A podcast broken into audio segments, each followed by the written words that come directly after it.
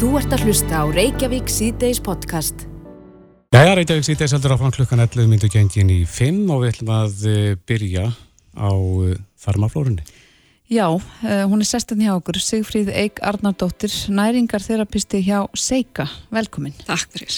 Vi, við sögum hérna rétt á þann, eða ég sagði hérna rétt á þann að ég hef nú einhvern heyrt að sko hamingjan byggi í heilbrigðri þarmaflóru. Er, er eitthvað til í því? Huruglega heilmikið til í því. Það tali sko að 70% ónæmiskerfisins er í raun í meldingaveginum Mm. Þannig að það getur ímyndar ef að meldingin er ekki góðu lægi þá fer margt annað úr lægi hjá okkur mm -hmm. og við framlegum til að mynda hamingjuhormóni serotonin við framlegum það í meldingun eða maganum um 80% og það er hérna svona beintenging við að vera svolítið hamingjusamur. Þannig að við getum öruglega fundið, já. Á alþjóðlegu degi hamingjunar í dag. Akkurat. Já. En e, þið þjá segja þið takkið þetta í pröfur og, og sendið út til greiningar? Jú, við hefum verið mikið í því í rauninni og aðalega svona hjá fólki sem hefur verið að leita sér lækninga og farið svolítið á milli kannski meldingalækna mm -hmm. eins góður og, og nöðsilegur þeir eru þá oft eru þeir ekki endilega að greina þennan hluta meira að vera að finna bólgur eða, eða eitthvað slíkt mm -hmm. þannig að við höfum verið með hérna svona hægðatest í samstarfi við danska rannsóknastofu, Nordic Lab mm -hmm. heita þau og eru svo sem annar staða líka í heiminum Og hvað getið, hvað getið þið séð í svona sínum? Man sér nefnilega ótrúlega margt, man sér rauninni jafnfægi á bara meldingaflórunni þar að segja bakterjónum sem eru þar um, þar er þetta að sjá hvort að maður er með um, vissa bakterjur, það til að mynda sem að lækna testanótt fyrir e, bakterja sem heitir Helicobacter pylori, man sér hvort maður er með hana og hún getur til að mynda bæði verið krabbmessvaldandi eða valdi magasári. Um, það er, það er semst mældar bólgur.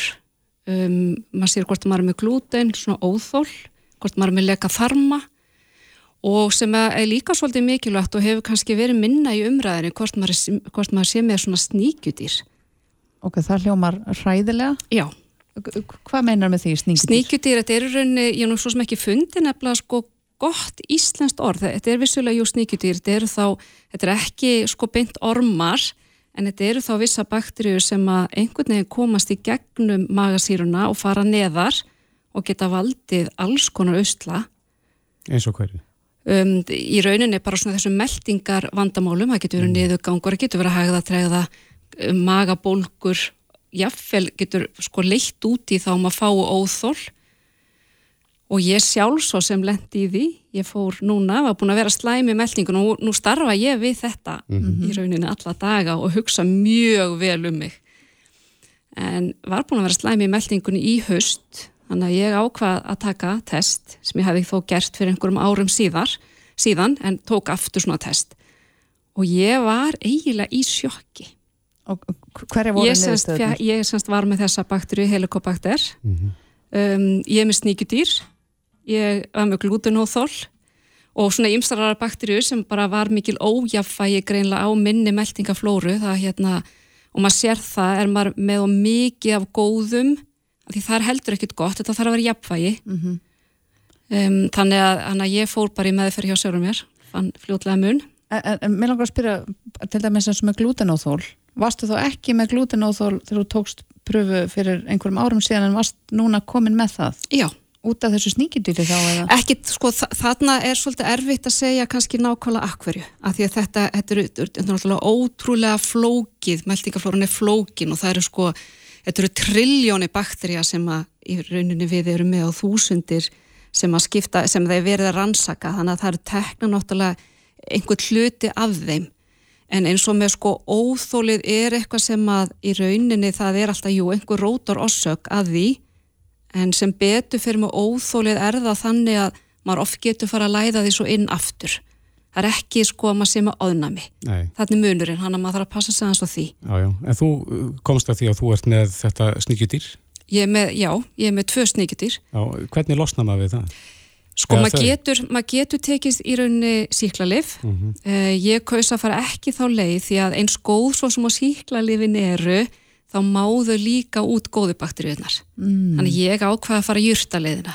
Þannig ég er að taka bara ímsa júrti núna og tók meðal annars te sem er líka sérsta te við helikobakter pylori bakteríunni og mun svo taka núna annað test bara mjög fljótlega til að aðtöða hvort að ég sé þá laus við þetta. Mm -hmm. Eru þessi sníkjutýr þá ekki vegan? Greinlega ekki. en, en mér langar að spyrja þig út og talaður með nána þegar værið að, að taka við sínum frá fólki sem hefði verið í með einhverja meldingar erfileika og svona lenda á milli en ef ég myndi bara svona fyrir forvetnissakir vilja láta prófa síni úr mér, geti ég gert það? Já, já, já, þetta er, auðvitað er þetta náttúrulega alls sko í rauninni eins og engagerin þannig að þetta er alveg dýrtest um, og, og sumir kjósa svo sem að fara ekki í test því það er dýrst en það getur rauninni allir farið í svona test sem slíkt sko. Og það er þó bara þannig að, að ég hef samband í rauninni við þessa dönsku rannsóknastofu auðvitað vil ég svona aðeins hitta viðkomand og vita akkur viltu fara í test og hvað er, hvað er það sem hún vilt vinna í. Já. en ég rauninni ger ekki testið sem slíkt, þú farð send bara kitt til þín. Mm. þú sjálf tekur sínið og, Og fer með út. það já, fer með það bara á. DHL og það er sendt út til þeirra Mhm. svo fæ ég niðurstöðuna Er, getur þú sagt hvað er það algengasta sem við erum að glíma við þegar það kemur að þarmaflóðinu? Það er reyndar ótrúlega algengt að fólk er með þessi helikobakter. Það er bara eiginlega svona annar hver hjá mér sem að greinist með hana og við erum alveg talað um, jú, 50% okkar er með hana en maður sér í testunum hvort hún er komin, sko hvort hún sé orðu of hérna svona áhættusum fyrir ímsa aðra kvilla. Um, Svo sér maður náttúrulega líka í testunum bara hvort að hérna svona eh, hvort það sé ávísun á einhver aðra kvilla, bara eins og marga bakterjur uh, sína og sérst á leið í kannski bara liðagikt eða jafnvel MS um, húsjódómar nú er fara að tengja til að mynda bæði psoriasis og XM hreinlega við meldingaflóruna þannig að ég spáði því í rauninni sko í framtíðinni þá eigu eftir að sjá miklu meiri fókus þarna á meldingaflóruna því hún þess að- skipti gríðalega miklu máli bara nánast í öllu Já, til að lækna. já, En e, eru þessi sníkjutýr og þessar bakteríur, eru það hrifnar af einhverju ákveðinu fæðutegund? Er það get- heldur já. það við? Akkurat, þannig að í sumu tilfellum getur það verið, og auðvitað þarf náttúrulega að lesa testið út frá því, það getur verið að ef maður er með þannilega bakteríur eða þess hérna, vissa bakteríur, þá, þá margar hverju nefnilega elska græmiti. Já, Mm. Þannig að þegar maður borðar til að mynda spergilkál, mm blómkál, aspas, þá oft á maður til að blása út. er það merkið þá um, Það getur verið merki, það er svo erfitt að segja að stað hafa eitthvað, en það getur verið merki um að þá sé, séu vissa bakteríu til staðar sem maður vill ekki hafa um, í miklu mæli. Mm er, er einhver annar matur sem fer alveg með þarmaflóðinu í okkur og setur allt á jafnvegi? Sko, ef að þarmálflóran er náttúrulega í eðlilegu standi, þá náttúrulega er svona bara þessi meðalvegur, en ef það er mikið ójafægi á henni, þá, þá getur verið mitt grammitið, laukur, kvítlukur, Mm. getur verið mjög viðkvæmur fyrir, fyrir hérna, þeirri fæðutegund. hvað með sigur? Sigur náttúrulega bara á ekkert að vera í einu en einu.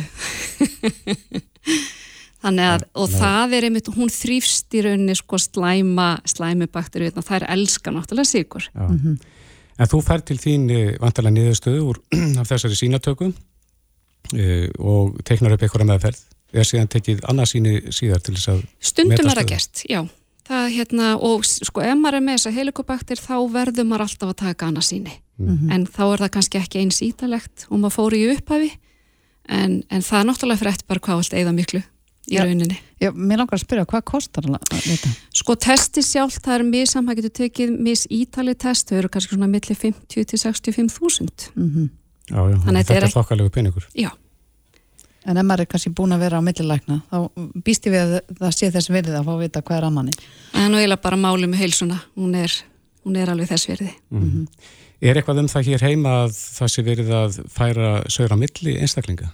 Já, ég hef alveg heyrt, eh, heyrt um það og það er eitt meldingalæknir sem að var nú með rástefniða fyrir nokkrum árum þar sem að lísti mitt sörflutningi á milli hjóna, þá var hann með sjúkling, konu sem að var mjög að langt við komin bara í, í sínu sjúkdómi og hann gerir þennan sörflutning frá eigimanninum og hérna og hann sá bara á sko minni með einu til tveim dögum að hún í rauninni byrjaði að, að hérna læknast. Þá tók vantilega góða þarmaflórin yfir. Já.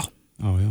Eh, heldur að þetta verði algengara í framtíðinu? Já og það er meiris að fara að tala um að setja sko góða þarmaflóru í þá þessu formi, einhvers konar saurformi í töflu. Já. Þannig að það verður áherslu að fylgjast með já. framtíðinni, hvað þetta varðar. En eh, hvernig kemst fólk í samband við ykkur? Það er svo smart bara... Það eru margir áhuga sami núna sem er að hlusta mm -hmm. og er að klást við eitthvað. Ég raunir bara að kíkja á seika.is, það er hann frætt að senda mér bara tölvupúst mm -hmm. sigfríð.seika.is Já, aðegli verðt Sigfríð, Eik Arnardóttir næringatherapisti hjá Seika Kæra þakki fyrir komuna. Takk sem leiðis. Þú ert að hlusta á Reykjavík C-Days podcast. Við ætlum að snú okkur aðeins að gjaldmiðlinum. Þessu umræð er farin á flug og sérstaklega eftir að eh, formaða starfskrænasambansins, Viljámur Birgisson. Já, sagði á í fjersbókastatus að hann væri búin að missa trúna á íslensku krona og vil taka upp annan gjaldmiðil í það minnst að skoða málið. Já, og við láta skoða það að samfara kjaravirðaðum sem er nú hafnar fyrir langtíma samninga þannig að það Mhm. verður mjög forunlegt að vita sko hver fyrirferða mikil gjaldmiðlumræðin verður í, í kjarabártunni Já.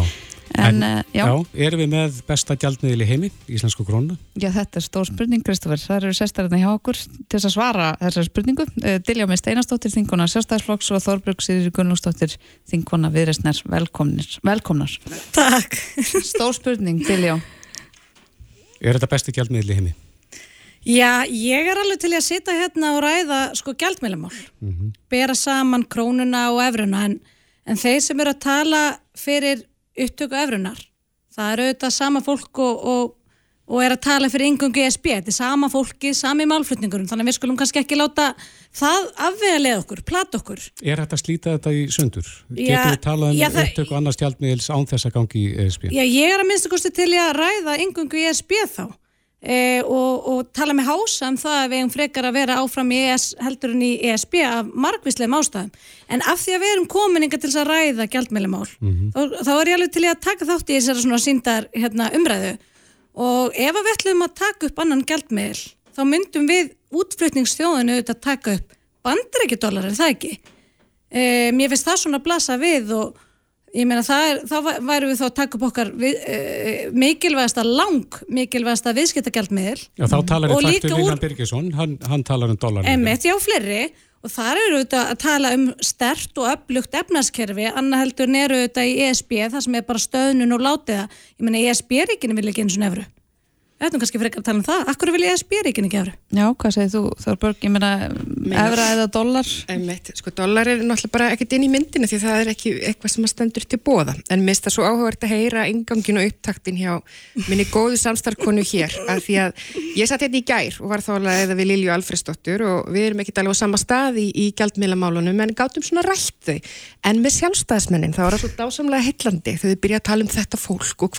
að fólk og og, hérna leggja fólki orði í munn þá er þetta svona doldið skapgerðin sko eins og manni líður svona þremi sekundum eftir maður rekur sig í stórtanna fast að það framkallar einhvern slíkan pyrring þegar að þessi umræða fyrir á stað Þú vilt Eh, allt í henni ekki gangi í ESB? Ertu að afnæta því opa? Nei, Þetta er þú- heyri, pyrringin. Ég vil gerðan gangi í ESB en ég vil fyrst og fremst að þjóðin fái að sjá hvað stendur til bóða og að þjóðin fái að kjósum þessi mál. En að því spyrjum gjaldmiðlinn að þá uh, er þetta bara óbúslega mikil mikilvæg umræða og mjög skiljanlega hún sé í gangi núna þegar við sjáum bara hvernig vaksta stíði er og hvað, hvað þetta er að gera heimilunum. Því að gjaldmiðla umræða eru eitthvað element sem hefur óbúslega mikið um afkomu heimilana og fyrirtækina að gera. Og þar í dag erum við kannski doldið að horfa á þessa spurningu hvers vegna við þurfum á Íslandi helmingi herri uh, vexti, helmingi herri vakstahækkanir uh, en ríki á efrusvæðinu sem eru að klíma við svipuð verðbólku skilriði og ég er ekki að halda í fram að verðbólka hverfi með efru, menna verðbólkaran er hérna mikill óvinnur allstæðar núna í kjölfar stríðis, í kjölfar heimsfaraldurs og við þekkjum öll þá sögu. En mér finnst þetta svona vera þe- þetta atriði og því ég nefndi þessa verkalýsleitóa sem hafa verið að benda þetta núna og einmitt í samhengi við afkomu. Gilvi Sóega, hagfræðprofessor var líka hér um daginn að benda á þetta og það er svona réttlætis element í þessu líka að því að við eigum til dæmis tölur um það hvernig að lánin hjá heimilunum líta út. Að það hafi verið um 25% heimila með þessi óvertriðu lán á breytilegu vöxtunum og búinlega þjált að segja. En það eru þá þau heimil sem hafa tekið á sig vaksta hækkanirnar 11 í röð uh, á fullum þunga. Og þetta eru, við getum alveg getið okkur til um hvað hópur þetta er. Þetta eru nýjir kaupendur, þetta eru yngra fólk þetta eru barnafjölskyldunar sem eru að sprengja sig á þessum vöxtum núna Uh, á sama tíma eru um 300 fyrirtæki sem gera upp í evru og dollara líka, ég get glatt ilja með því þau standa fyrir utan þetta kerfi og eru ónæm fyrir þessum breytingum. Mm -hmm. Ég skilða vel að þau gera það því þau fá stöðuleika og svona með þessu en við viljum þetta fleirum standi þetta til bóða. Ríkistjórnin hefur talað með núna með verðbólguna að þau ætla að koma með aðgera pakka uh, til að verja legst launaða hópin og þá sér maður hvað mynd teknast upp Eh, það er hérna stokkur, þriðjungur eh, þjóðagsframlegslunar sem er fyrir utan eh, krónuhækkerfið þá að verja lagsleifnaða hópin eftirstendur að það er millistjettin sem tekur á sig kostnaðin af þessum vakstahækkunum sem fylgja krónunni. Millistjettin fær á sig þennan krónuskatt sem gera það verkum að vextir og, og verðlag er eins og það er á Íslandi. Mm -hmm. Þannig sé ég þetta. En er ekki vandamáli með gjaldmeila umræðina? Er að við tökum hana yfirlt ekki upp nema í einhvers konar kreppu? Það er alveg rétt og það er líka vandamál með hana sko að það, hún er svo tilfinningaþrungin. Auðvitað er það þannig með mörg mál sem við erum að ræði í pólitík uh, og auðvitað á það ekki að þurfa að vera niðurstæðin í svona máli að við dilja á sem sammála um þetta en við verðum að geta rætt þetta og rætt þetta út frá einhverju öðru en, en sko hérna fólki gangi eitthvað til eða sé að teikna upp einhverja myndir sem að hérna þegar það er að ræða, eh, ræða þessi mál uh, að því eins og ég segja það er, það er þessi spurning hvers vegna þarf helmingi herri vexti á Íslandi til að taka á verbolgu mm. sem er bara hlýðsta við það sem við sjáum annar staðar og spurningin sé ekki að benda eitthvað Evrópuland og segja þannig er atvinnleis og þannig svona. Þetta eru innbyrjus ólík ríki sem er í Evrópusambandinu. Stóra spurningin á þetta bara vera myndi Íslandi og íslenskum almenningi vegnar okkur betur fyrir innan eða fyrir utan? Mm. og bara til þess þar samtal til að leiða, leiða það í ljós hvað okkur Já. finnst. En Þú setur saman sem eftir að milli umræðanar um gjaldmiðlun og svo Evrópusambandsæðildar Já, mér herist lokáran hjá Þorbjörgu vera hvort við varum innan eða utan og þá erum við vantilega að tala um Európa-sambandið ekki mm. Eurósvæðisins En, en er hægt að er hægt að ræða þetta án þess að setja saman sem ekki þar á milli? Að ræða bara upptöku Ég tel það ekki, fórnarkostnanum fyrir upptöku Euróna væri að sjálfsögðu ingangu í SB en ef ég fæ aðeins að bregðast við nokkrum aðdreifum sem að hún Þorbjörg fór hérna yfir.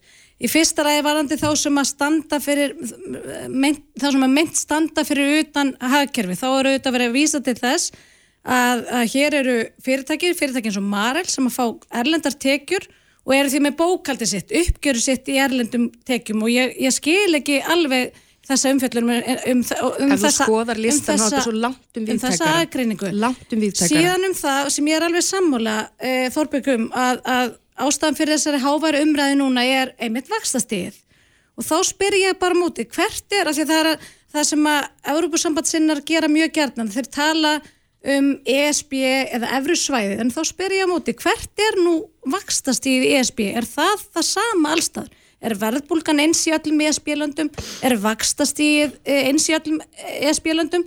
Og ef að vakstastíð er ekki það sama í öllum Evrulöndum, hvað er það sem segir okkur? Að Evran sé einhver löst við því að vextinir eh, keirist hérna niður?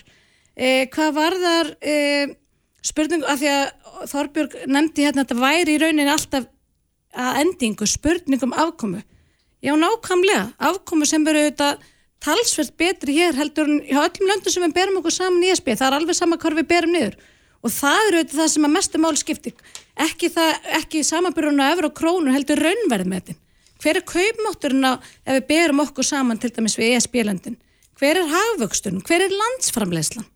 Og það er auðvitað stað, og ástæðan fyrir því að er það krónun að þakka? að því að, að, því að já, það er minnst er minnst að krónan byrja auðvitað ekki ábyrð á vakstastíðin, ekki fyrir eitthvað heldur en að að Þorbjörg ætlar að halda því fram að Efran byrja ábyrð á vakstastíðinu til dæmis á Spáni, Greiklandi eða í Ístasalslöndunum en hún ætlar kannski að segja það að sé Efrun að þakka að sé lágt vakstastíð annar staðar. E, af hver eru helmingi herri vextir hér í, í sama verbulg ástandi það er út af því að hér er þensla.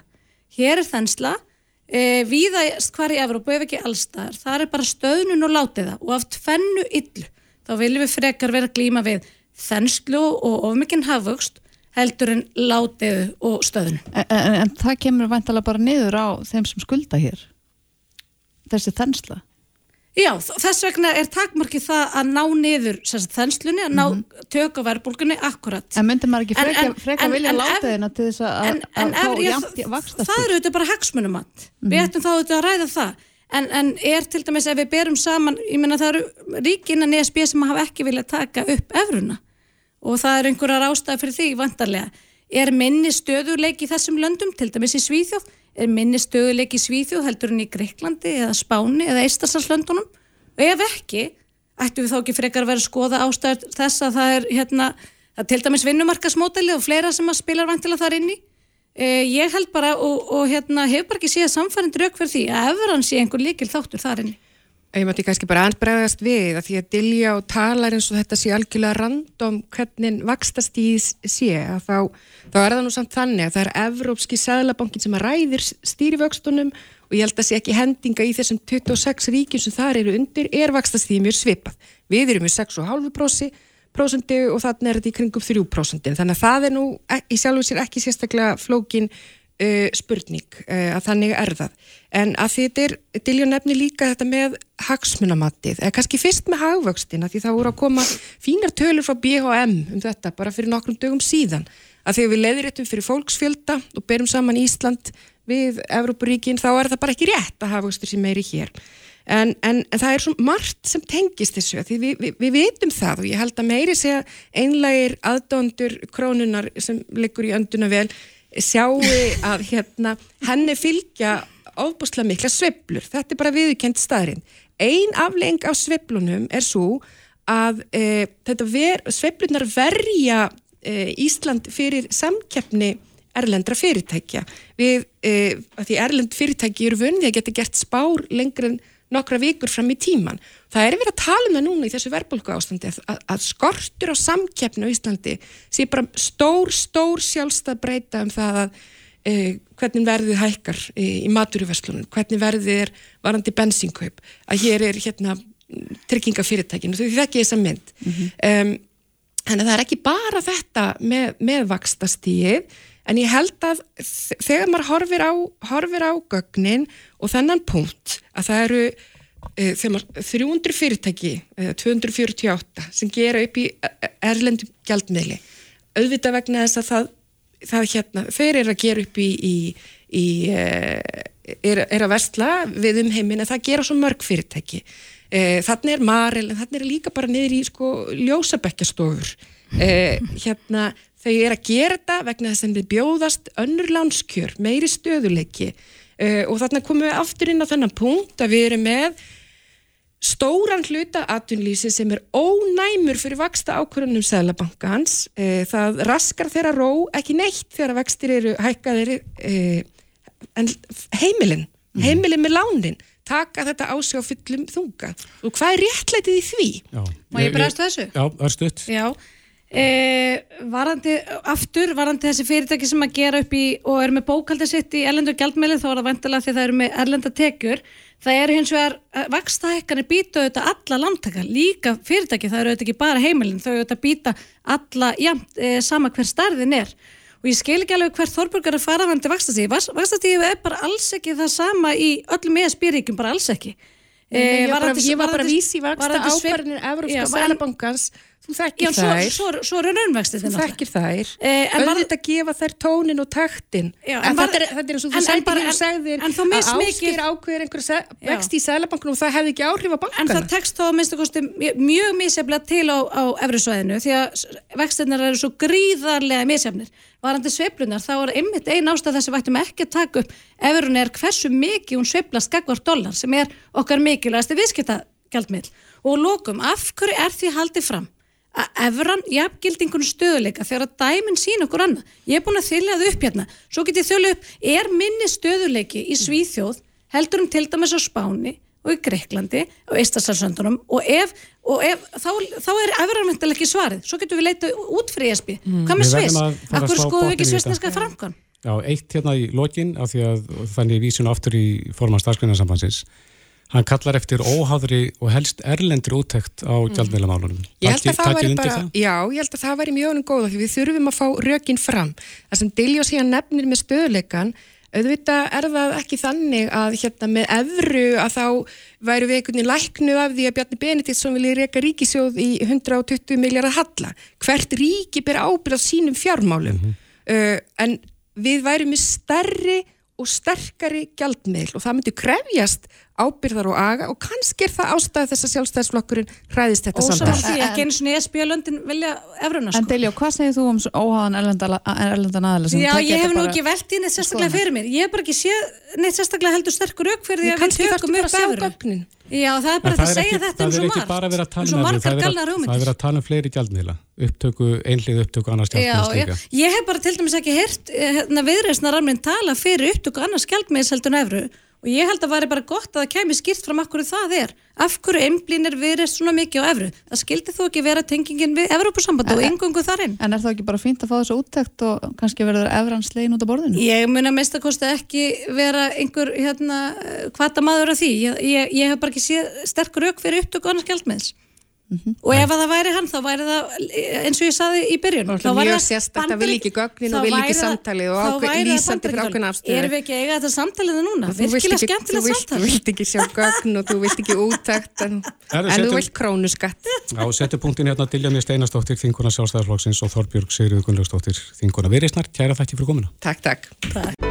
Þetta er Reykjavík C-Days podcast Já, þá er klukkan nýmyndugengin í 6 og við ætlum að ræða TikTok, uh, app sem að verðist vera frekar saglust með einhverjum skemmtilegum dönsum og kísumindböndum og mm -hmm.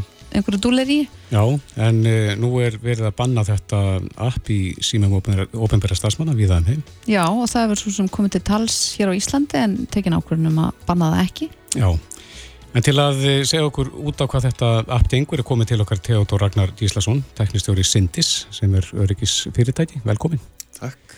Ég kannski fyrirgeður Kristóður. Ég ætla, ég ætla bara að vaða beinti sko hvað er svona slemt við TikTok. Þess að fréttir koma kannski aftan að mörgum. Þú meina fyrir utan það að börnin okkar ger ekkert annað en að vera í þessu appi og líka fullori fólkar en það líka en, en hérna, fyrir utan það að þá, að þá náttúrulega kannski er það þessi tengslu Kína sem er, er það sem kannski er að vefjast fyrir fólki og ég held að það sé svona frekar auðlust á umræðinu að það snýst svolítið um það mm -hmm. og hérna þannig að, já Er búið að gera eitthvað öryggisúttekt á þessu appi? Er, er þetta njósnum okkur?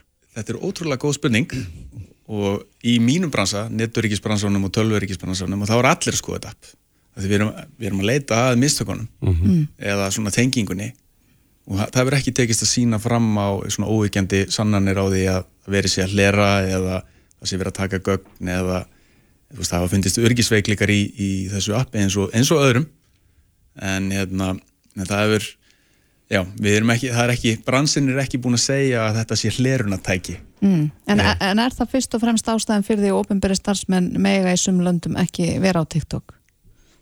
ég náttúrulega veit ekki hvað þau eru að hugsa í þessum löndum en, en ég, maður getur ímynda sér að, að það sé óþægilegt fyrir þessa aðela að hugsa til þess að, að kýmversk yfirvöld mögulega eða, eða gætu haft þess, mögulega þessi áhrif að geta e, hva, e, neitt eða fengið fyrirtæki til þess að gefa upp upplýsingar. Mm -hmm. Má ekki gleyma því að þó að þetta sé voðalega einfalt og fallett app að mörguleiti og að þá er það með mjög miklar heimildir á þeim tækjum sem það er sett upp á.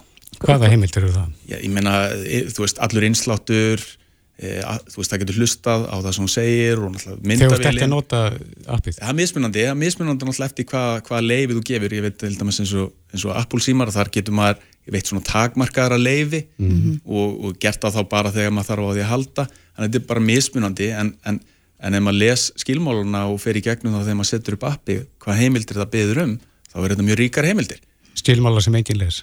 Skilmála sem, sem engin les. En, en samrýmist það þá persónuvendarlögjöf til dæmis innan Evrópa? Ég náttúrulega ef þú ef upplýst samþykki mm -hmm. og ef þú ferði í gegnum þetta og þetta er upplýst og ég menna við þekkjum þetta öll, við samþykjum svona hluti á þess að hugsa kannski um hvað verður um gögnin okkar og, og má ekki gleyma því að svona app er náttúrulega líka sækja helsufásupplýsingar mögulega úr tækjanum okkar eins og health gögnin okkar þannig að það er möguleiki en ég er ekki að segja að það sé alltaf gert og ég er alls ekki að segja að það sé endilega misnota það er bara, það er bara að, þú veist, þetta er, þetta er það sem við erum að gefa frá okkur í hvert einasta sinn sem við setjum upp e, svona forrið sem krefjast mikill að heimilda En uh, varandi þessa tengingu við Kína, þú fer kannski yfir það með okkur bara fyrir það sem ekki vita hvernig er þessi tenging? Þetta er kínvest fyrirtæki sem Já. á TikTok. Já, þetta er ByteDance er móðufélagið og þarna eru fjárfestingasjóðir víða að, e, japanskur banki, hérna, sem heitir Softbank sem fólk hefur örgulega heyrt, margir hafa heyrt um. Og þarna eru bandarískir fjárfestingasjóðir og, og, og, og mjög margir mismunandæðalur og kýmesski fjárfestingasjóðir líka. En það er hérna eitt sjóður sem er e, vissulega eigu kýmeska ríkisins sem er hlutafið þarna. Og fólk vil meina hvort sem það sé rétt eða ránt að þeir hafi einhver ítök þarna baku tjöldin og það kannski er það sem deilan snýst um e, hér á Vesturlöndum að, að þetta samrýmis kannski ekki okkar okkar hérna gildum eða hvað við svona viljum horfa til Mhm. Þú svona sem sérfræðingur í öryggi um, finnst þér þess virði að, að vara við þessu tæki fyrir ópenbæra stafsmenn eins og verið að gera Er það réttlætalegt?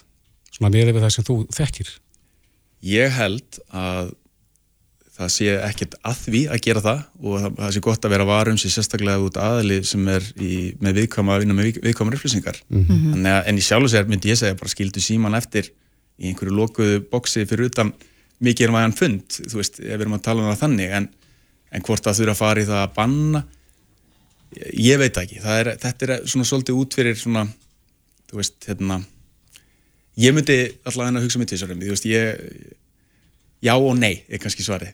Ég held að ég þurfum að þurfa að meta það út frá þeim fósendu sem þau eru, þess vegna væri fínt kannski að heyri einhverjum frá þjóðuríkisráði eða eitthvað þvíum líkt til þess að gefa svona kannski aðra hlið á þessari umræðu.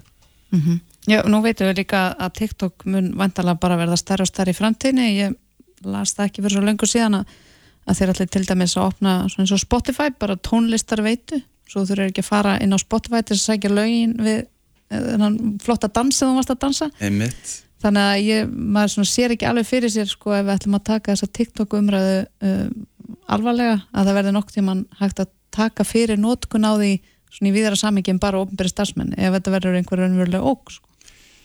mér sjálfum finnst það sérkennilegt ef þetta er bannað fyrir almenning. En hvað, hvað ríkistjórnir gera og þjóðuríkisleveli það, það væri öðruvísi allavega umræða í mínum huga. En þetta er alveg rétt meina þú veist, við erum að spórna gegn tekniframþróun þú veist, það er ástæða fyrir því að krakkar og fólk vil nota þetta app, það er að því að gerir það sem það gerir mjög vel. Og, og þó að ég ég reynda með það uppsett en hérna, Er það í, í bara út af vinnunni? Eða? nei, það var eitthvað fyrir, með dóttur mína en hérna, sem sagt en, en ég er ekki beinlýs mótfallin svona, en ég, ma- maður verður átt sá því að þetta er náttúrulega, getur verið mjög viðkvæmt. Þannig að Lest þú alla skilmála áður en þú setur upp forrið á símaninu? Ég hef, en þeir eru alltaf að breyta þessum skilmálum, það er náttúrulega það sem er alltaf að gerast, en jú, ég hef glukkað í þessa skilmála og, og maður, og þetta eru alveg eins í raun og veru og eða ert að setja Facebook eða Instagram eða, eða þann, þess, þess áttar upp, þannig að það er ekkert frábriðið í þeim skilningi, en það er meira bara hvar, hvar hérna, e, að lögin í því landi sem, sem gögnin er að fara innan gæsalappa, hver, hver hefur völdin þar? Það er kannski það sem þetta snýst um. Og Hvar eru þessu gögn vistuð? Þau eru reynda, vistu, í skíaþjónustum hérna, á vesturlöndum að miklu leiti Eh, en, hérna, sem sagt, en það er, hvar er svona hvar hefur fyrirtæki hver ræður þessu fyrirtæki svona lagalega séð, þú veist, ef, að, ef það á að hlera gögn einhvers Íslandings þá þarf að fá dóms, dómsúrskurð um það. Eh, og þá er það meira spurningin svona hver hvað svona lög, lög lagalega þau fyrirtæki á heima. Og ef það er í Kína þá náttúrulega kannski getur fólk svona dreigð áleittanir á snúnara. En þessu umræði er svo sem ekkert nýja nálinni með að tækin hlusta á okkur. Og við erum náttúrulega heyrt talað um Facebook, maður er svo sem lendið í sjálfur að segja eitthvað stikkorð og svo er allt í unni byrtist auglýsing um sama efni. Já, ég minna líka bara að taka myndir á okkur og að geta vita að þetta séu við sem erum með síman og svo framvegist. Þetta er bara það sem tæknin er að fara.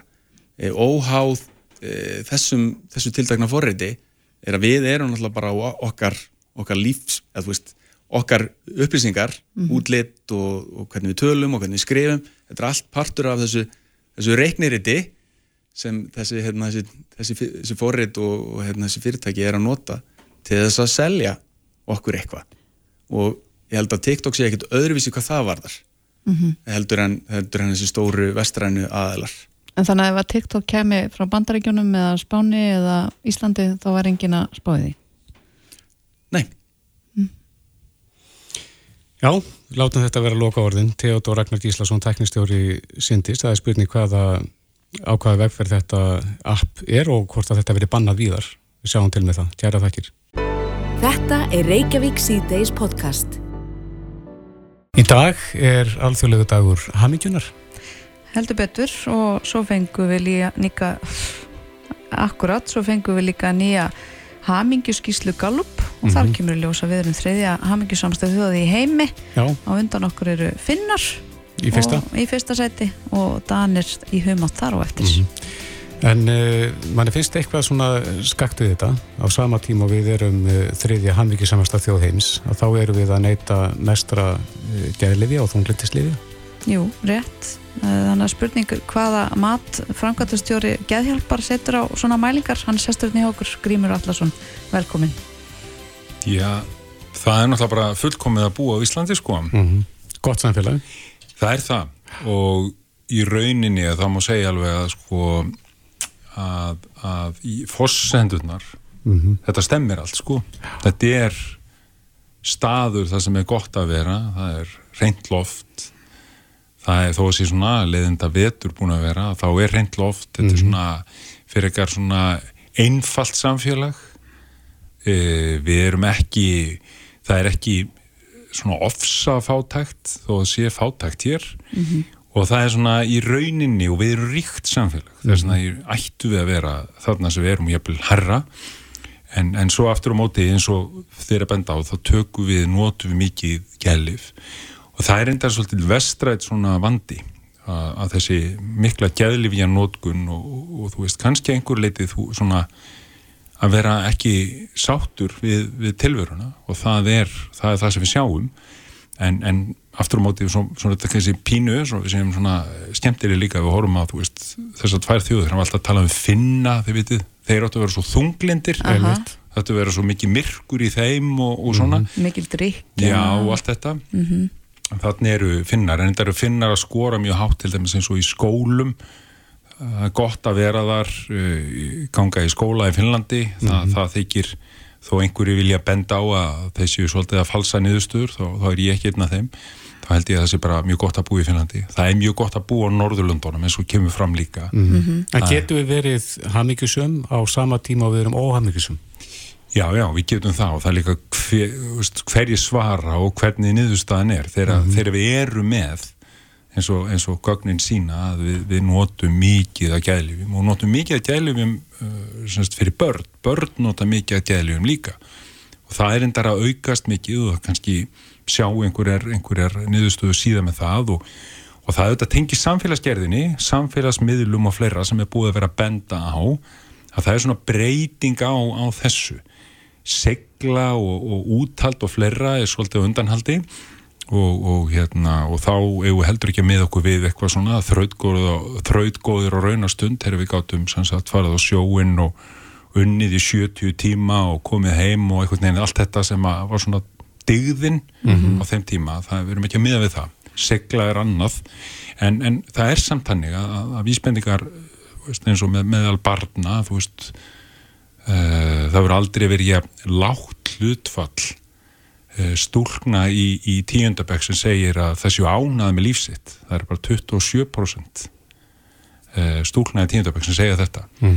Og, og það eru vísbendingar um eitthvað. Ég er ekki að segja að það sé endilega upp á skuttum það, á það að við verðum óhæmgjusum inn í framtíðin annað. En við þurfum eitthvað að skoða samfélagsgerðina því við eins og ég sagði hér er allt til alls. -hmm. Vist, við erum hér í Reykjavík það er bara, við keirum hérna í korter og, og, og þá erum við komin í náttúruna. Ef við búum að vestfjörum þá erum við bara í náttúrunni. Ef við erum að akkurir þá erum við bara fyrir ofan okkur í fjallinu eða í fjörðin og, og svona er þetta út um all land sem er yfirleitt áskrift að það er gott. Fólk sækist í það að búa við vatn út um allan heim. Semst að sjá sjó, það er gott. Við fáum eiginlega öll að sjá sjó og vatn, með þess að þeir sem búið selfossi, þeir sjá Ölfusana. En, en ég veldi fyrir mér eh, með haminguna hvort það sé ekki mesta eitrið í að spilla haminginu er að þrá eitthvað sem maður hefur ekki. Og það er nú kannski það sem við höfum líka verið svolítið að ræða, ekki bara með lungsfólks, heldur líka meðal þeirra sem eldri eru að með tilkomu ímissa miðla að þá eru við alltaf að sjá eitthvað sem við eigum ekki. Já, nákvæmlega, það er, það er alls ekkit bundi við börn, það er bara reynd ekki við ungmenni, fólk það er svona og þetta partur af þessu svona, þú veist, við erum veist, við horfum að skilna tölur og svona, þú veist, við förum inn út í það, svona sambönd uh, einstaklinga af öllum kynjum að við erum mjög stutt í þessum samböndum í rauninni við, svona, við, viðmið, þú veist, að eignast barn, fyrsta barn að það er á, á fyrstu tveimur árunum skilja 50% fóreldra mm -hmm. Og það er þetta það er eitthvað með þetta. Það er eitthvað svona það er eitthvað betra. Það er eitthvað, veist, eitthvað sem hættir að leysa. Og þá er það samt þannig að það eru auðvitað fullt af samböndum sem að mun aldrei leysast og eru vandamál og, og ættu aldrei að vera samband. En 50% er hátt hlutfall mm -hmm og, og, og þessi mikla þrá í eitthvað nýtt og, og maður sér að líka bara hvað við nú er verið að kenna, ég er gaman að ég sé hér kollega eitthvað Jakob Bjarnar hann, er, hann fer með rétt mál í einu þegar, þegar við erum að tala um sko akkur fjölmiðlega byrta þetta eins og að gera grína á áramáttasköpunu mm -hmm.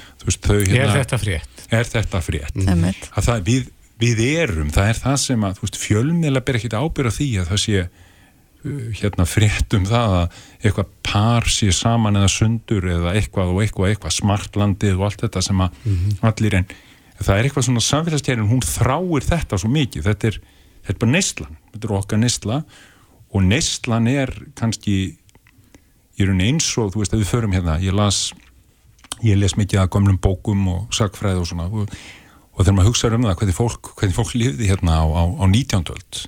og hvað átti ekkert og, og hvað, hvað þetta var henni umörleg staða að búa á Íslandi. Það var enginn hitt af þetta þá það var með örfáði sem byggum við hver. En, en, en, en sko og, og hvernig þetta er í dag, við höfum allt. Samt er það ynga við nóg. Við hittum einn á göngunum í dag sem að sagði að Íslandinga væru vanþakklátt þjóð, tekur undir það?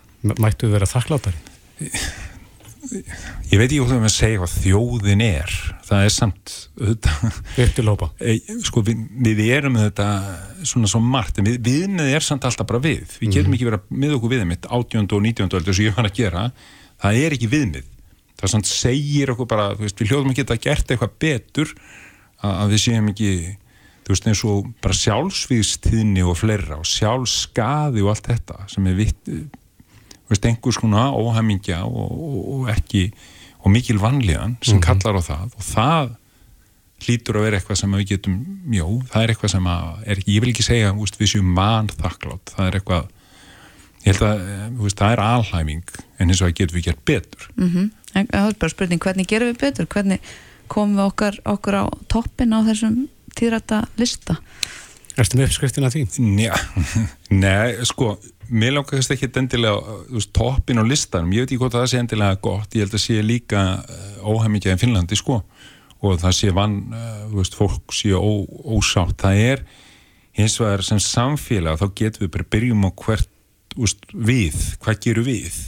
Hvernig förum við ekki ennum daginn? Veist, er dagurinn þannig að ég byrja bara á samfélagsmiðlum? Eða byrja á því bara að skrolla í gegnum fréttinnar sem eru að segja mér frá angur í Úkrænu og eitthvað svona þetta sem að, hvernig legg ég inn í daginn mm -hmm.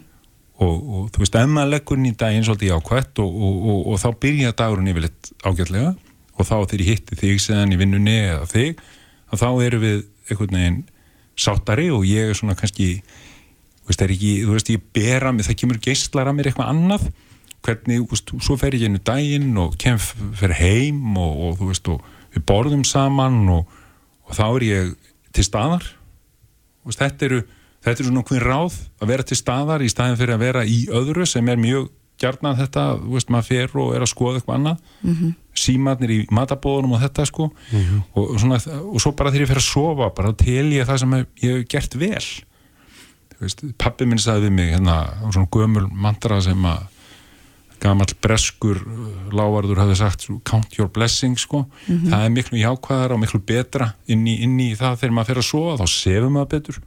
Ég sef betur, ég veit ekki með ykkur allavega þegar ég fer ekki með mikið af einhverjum áhyggjum inn í það. Og þetta er svona einföld ráð.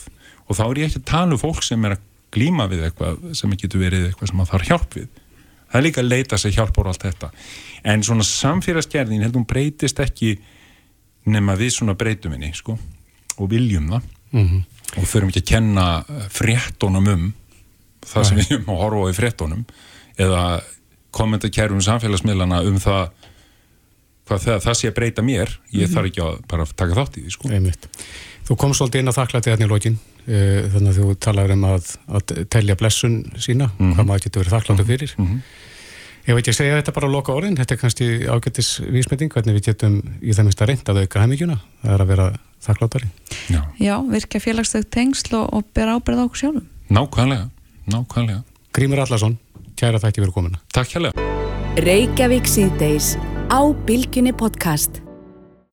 Er klukkuna vant á 12 mínútur í 6. Um helgina bárust fréttir af snjóflóði sem að fjall og uh, það lendi fólk í þessu flóði. Mm -hmm. Emmett og, og tveir voru fluttir á Slisadelt, það var hérna hópur sem að lendi í flóðinu og við fórum svona velta fyrir okkur hér um, hvernig maður ætti að bregðast við ef maður myndi lenda í þessum aðstæðum. Já, akkurat. Ég held að ég myndi ekkert vera neitt sérstaklega góðum ef ég á bara að vera alveg hreinskinn. Nei, og svo er líka spurning sko, hvernig veit maður að svæði sem maður er að ferðast um sé örugt og, og tryggt. En eh, hann er kominn hingað til að segja okkur, kenna okkur aðeins í þessum málum, Stefán Jökull Jakobsson, snjó eftirlitsmaður við Stof Íslands og kennari við Björgunarskóla Landsbjörgar, velkomin. Já, takk fyrir það. Já, þegar að, já, ve- veit maður í fyrsta lagi, hvernig sér maður hvort að svæði sé tryggt sem að maður er að fara yfir? Uh, snjóflóðahætta er mjög falin hætta. Þetta er sagt, þannig hætta að hún svarar manni ekkit uh, ofsalega vel en þegar eitthvað gerist að þá eru afleðingarnir oft mjög miklar. Uh, í þessu tilfelli bara almennt þegar maður, bara þegar maður er að ferðast á Íslandi þá getur maður byrja á því að skoða hvernig það er inn á viður.is hvaða uh, áallu snjóflóða þetta er á svæðinu þar sem að ég á samt uh, stórum hópi fólks viðstofunar erum að, að gera uh, aðtjóðanir hver stöðuleikin er á snjóþökinni og þar getur séð svona áallaða hættu. Uh, núna er til dæmis á stóru hluta Norðurlands og, og Östurlandi að þar er tal, töluverð hætta. Stíði þrjú af fimm stegum uh, það er ekki þar með sagt að þú lendir í flóðið þótt að þú farir og ferðist um á svoleiðis svæðum þú getur valið er það að ferðast í minni halla því að snjóflóða þau eiga sér yfirleitt stað í 30 til 45 gráða halla. Þannig að ef maður ætlar að fara að ferðast um landslæðið þá getur maður valið sér það að vera í minni halla þar sem maður eru minni líkur. Maður getur líka valið sér það að vera bara að skoða hvernig landslæðið yfir heldina er þannig að það sé ekki reyndar sjálfgeft hérna á Íslandi ef maður þurfa að hugsa að skógi eða einhverju ef, ef að snjóflóð fyrir að staða maður fari í gegnum skó en maður þarf að hugsa til hver eru klettar og hver eru gil af því að það þarf stundum bara ákvæmlega lítil snjóflóð til þess að maður grafi stjúft ef maður lendir ofin í landslaskildru mm. það er bara mjög lítil snjóflóð sem maður geta grafið bara til til að djúft ef að þú ert óheppin á að lendi í flóði og á röngum stað. Þannig að ferðahegðunin er raunverulega það sem að við erum helst og fyrst og fremst að reyna að kenna fólki að, að læra að lesa í landslæðið velja ferð, uh, hvert þú ætlar að fara fyrirfram nú sérst búin að skoða bæði hver er áætlu snjóflóða hætta á svæðinu. Núna á Tröllaskaga og fyrir norðan að þar erum við að tala um að það sé viðvarandi veikt snjóalag. Þannig að það er ekki endilega að það sé bara í einhverjum vers, uh, vissum viðhorfum. Þetta er bara heilt yfir bara mikill snjór sem hefur safnast í brekkunar og bara uh, hætta í öllum viðhorfum. Hvað er það sem að kemur snjóflóði helst að stað? Uh, Þetta er vindfleki eða snjófleki sem að hefur einhverja samlóðun og svo rennur hann á stað á veikulagi þannig að þú þarfst að hafa vindfleka og þarfst að hafa veikt lag og svo þarfst að hafa reynslisflött þannig að þetta er svona kannski eitthvað sem ég kenn ekki alveg hérna á nokkuru mínútum en uh, við erum sem snjó eftirlismenn þá erum við að leita eftir þessum veikulögum og reynslisflötum þannig að þá getur komið einhverju yfirborði á stað. Er það með reyfingu eða hávaða? Eða... Það er, uh, hávaði kemur snjóflóðum ekki á stað. Nei. Þetta er ekki sér að eins og í Hollywoodmyndunum þar sem að þyrlan flýgur yfir og snjóflóðum fara á stað. Þú þarft sprengjefnið og, og þá er það þrist, þristingurinn frá mm -hmm. raunverulega sprengingunni. Mm -hmm. Annars að þá er þetta raunverulega aukið farg og aukið farg getur verið bara meiri snjór þannig að þá fara snjóflóða falla sjálfdáðum eða þá að, að við um þetta auka, aukna farg við komum og bætum við þingdini ofan á og, og þá mm. gefur sig þetta veikalag mm -hmm. og þá fyrir snjóflóðast að. Eh, hvað geta snjóflóð farið hratt yfir? Þau geta farið mjög hratt yfir. Þau, ég er nú ekki með uh, nákvæma tölu á þessu en þau geta farið á bara uh, 100 og einhvað kilómetra hraða. Þannig að það er... Þá þarf maður að vera fljótur að hugsa ef maður lendir í þessum aðstæðum. Það er vandamálið að ef þú lendir í flóði þá er rosalega fátt sem þú getur gert. Velslega menna þeir tala oft um það að þeir uh, uh, fylla rörið eða þeir gefa bara allt í botn til þess að reyna að keira út úr uh, aðstæðanum. Keira þá með flóðinu eða? Þá keira er bara einfallega í þeirri stefnu sem að þeir eru, bara ja. eins aftur geta og þá í uh, einhverja átt sem að, að þeir telja sig geta komist út úr flóðinu. Virkar það? Í svömmun tilfellum já, þá virkar það og hefur, uh, og, og margir hafa náð að gera huna eitthvað þýðilíkt. Mm -hmm. uh, skýðarar að þeir, uh, ef þeir eru á leiðin niður, að þá reyna þeir að, að fara skýða út í uh, jæðarinn á snjóflóðinu, uh, en þegar þú ert á uppgöngu eins og þetta fólk að þá ertu laus í hælinn og þú ert með skinn á skýðunum þannig að þú rennur ekki neitt á skýðunum og, og svo lesa, þannig að það er mjög erfitt að eiga við það en, eins og gerðist núna um helginu. En þarf maður þá bara að leifa snjóflöðun að bera sig og býða eftir það hætti? Uh, Eða stoppi?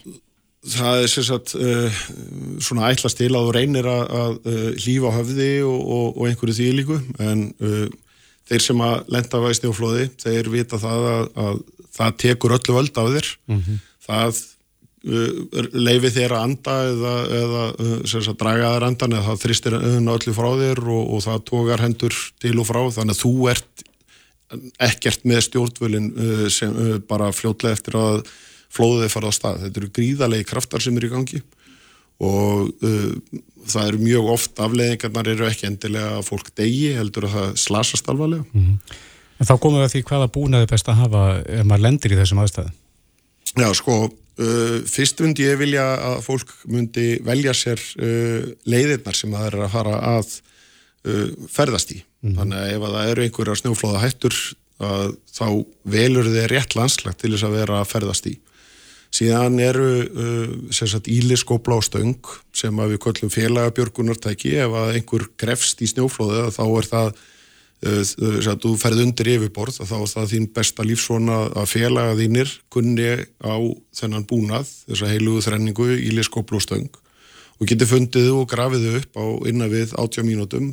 Það er sérsagt svona tímafaktorin sem að við sem þú hefur raunverulega undir gröfnum flóði þótt að það séu tilfelli þar sem að þú hefur lifað af í, eh, eftir uh, tvekja þryggja tíma uh, tvo-þrjá tíma undir sem á flóðinu mm -hmm. og síðan er til uh, svona viðbóta búnaðar til þess að, að auka líkunar á því að þú endir upp á yfirborðið flóðsins og það eru belgpókar og það eru sagt, uh, bakpokar sem eru með uh, gashylgjum eða rafmótorum sem að blása út hylki og uh, sagt, belgi sem eru á aukslunum eða aftan á bakpokanum og auka þá líkunar á því að þú sést upp á yfirborðinu. Mm. Því að það eru stærri hlutir, þeir enda upp, efst upp á yfirborðinu Þetta er sérstaklega eh, skemmtilega nafn öfug loðgreining eða uh, korflex-enginni. Uh, þú ert alltaf með milsnuna neðst í korflex-pakkanum og stóru flugunar er alltaf efst í pakkanum mm -hmm. og þú ert með pókan til þess að að vera stóra korflex-flagana til þess að enda efst upp á flóðunum.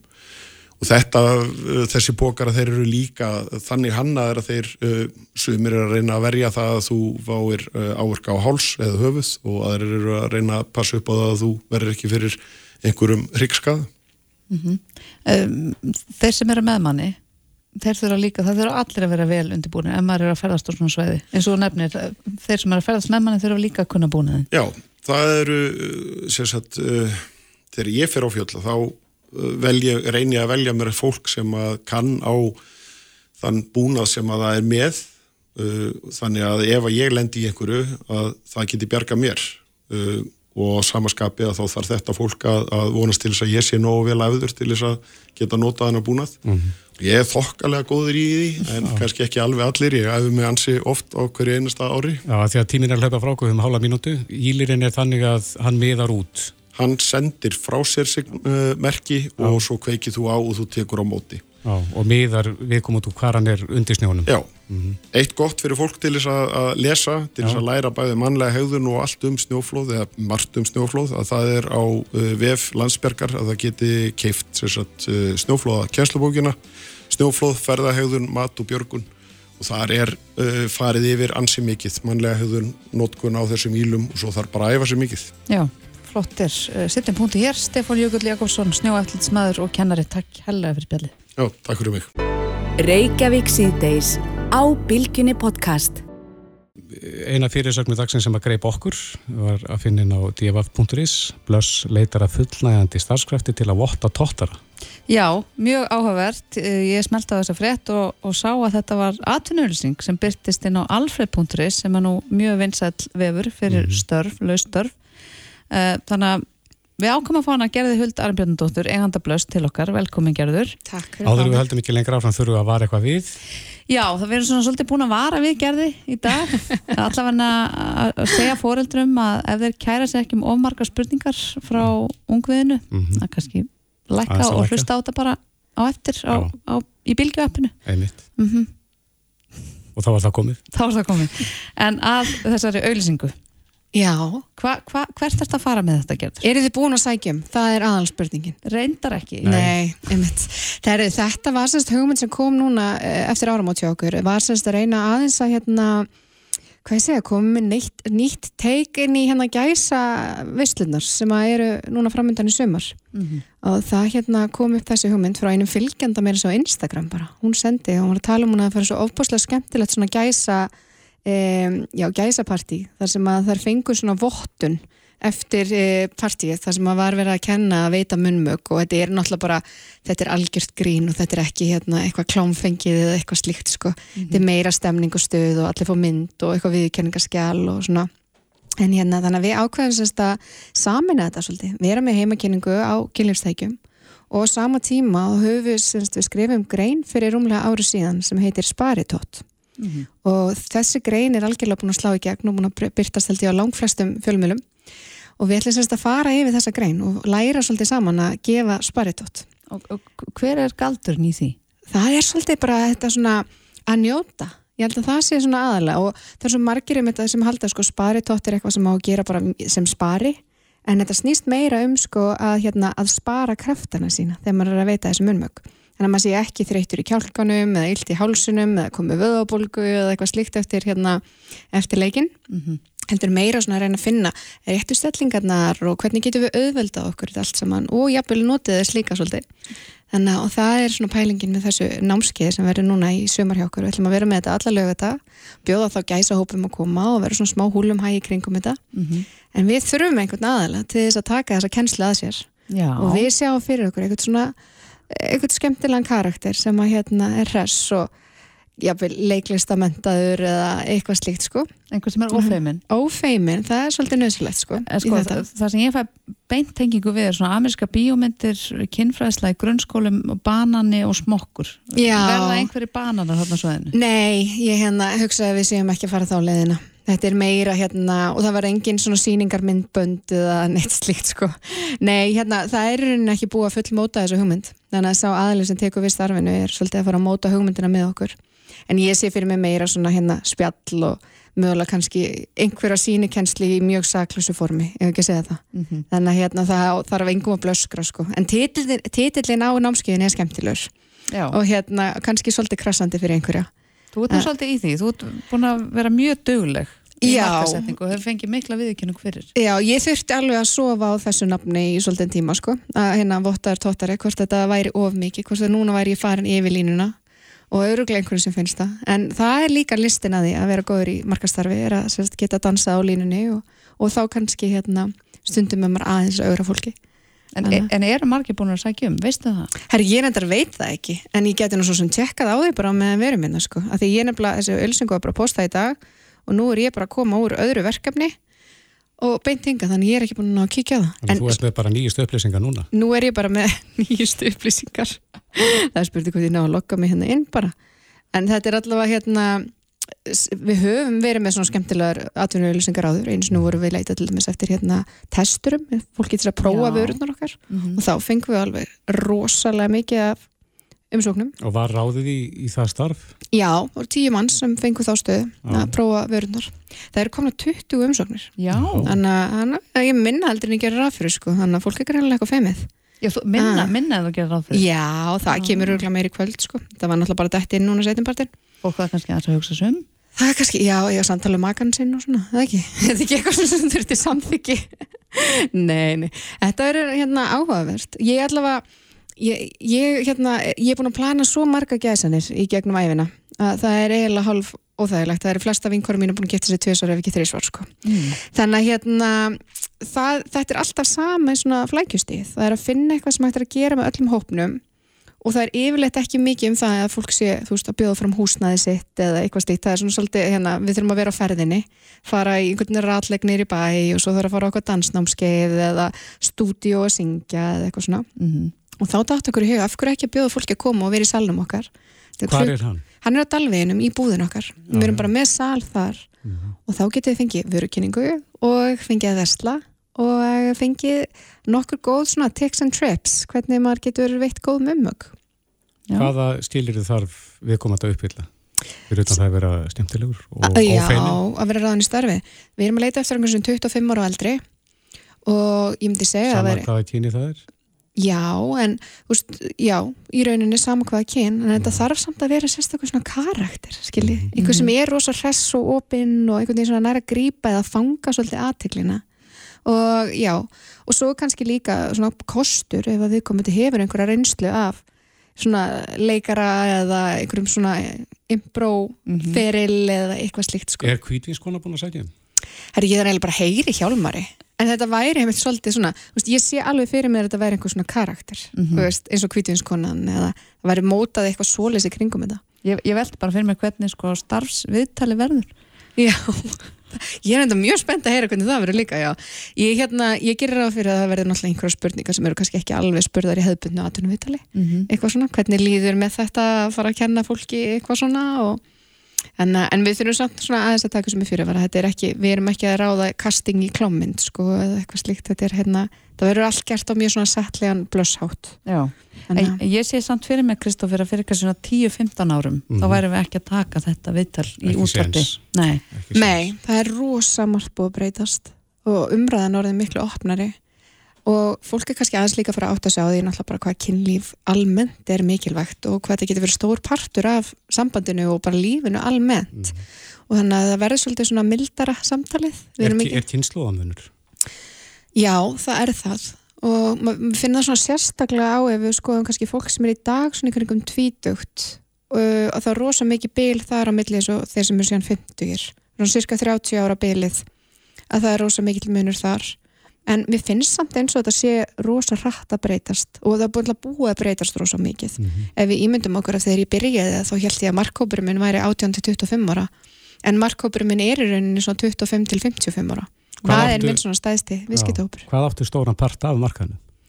Hérna á Íslandi, þegar af seldum kynlefstækjum í Íslandi þá erum við með 88,7% markasluteld Já. sem er rosa mikið og hérna, en við höfum náttúrulega unni mjög þjætt og vel að því að hérna að breyta svolítið markaðinum og taka umræðinum kynlefstæki á herra plan. Að tengja þetta meira við kynheilbreyði en ekki við klámis. Og það er svolítið það sem við erum alltaf að reyna að berjast fyrir. Þannig að það er líkitinn að velgengunni, heldur þú? Það er bara svona blanda af alls konar, hérna ástriða maður þarf líka, þú veist, ég segja oft sko, ég er eins og trúbóði, ekki kynlífstellingin heldur trúbóði að lappa milli húsa og segja fólki hvað kynlíf getur verið ásynlegt og frábært og fallegt. Mm og þetta er ég búin að gera í 12 ár og það eru nokkri farnir að hlusta. Og þá einhvern veginn svona verður þetta svo hérna, þá myndast þessi svona massi og þessi svona fylgni að fólk er til í að vera með í þessu. En skipti máli að það búið að breyta nafninu á þessum tækjum og þetta var alltaf hjálpartæki ástalífsins eins og það var eitthvað aðmanni já, já, þetta er markvist sem við fórum í þegar ég byrjaði. Að hérna, þetta, við köllum þetta ekki hjálpatæki. Við erum ekki hérna eirberg að selja hækjur eða eitthvað slikt sko.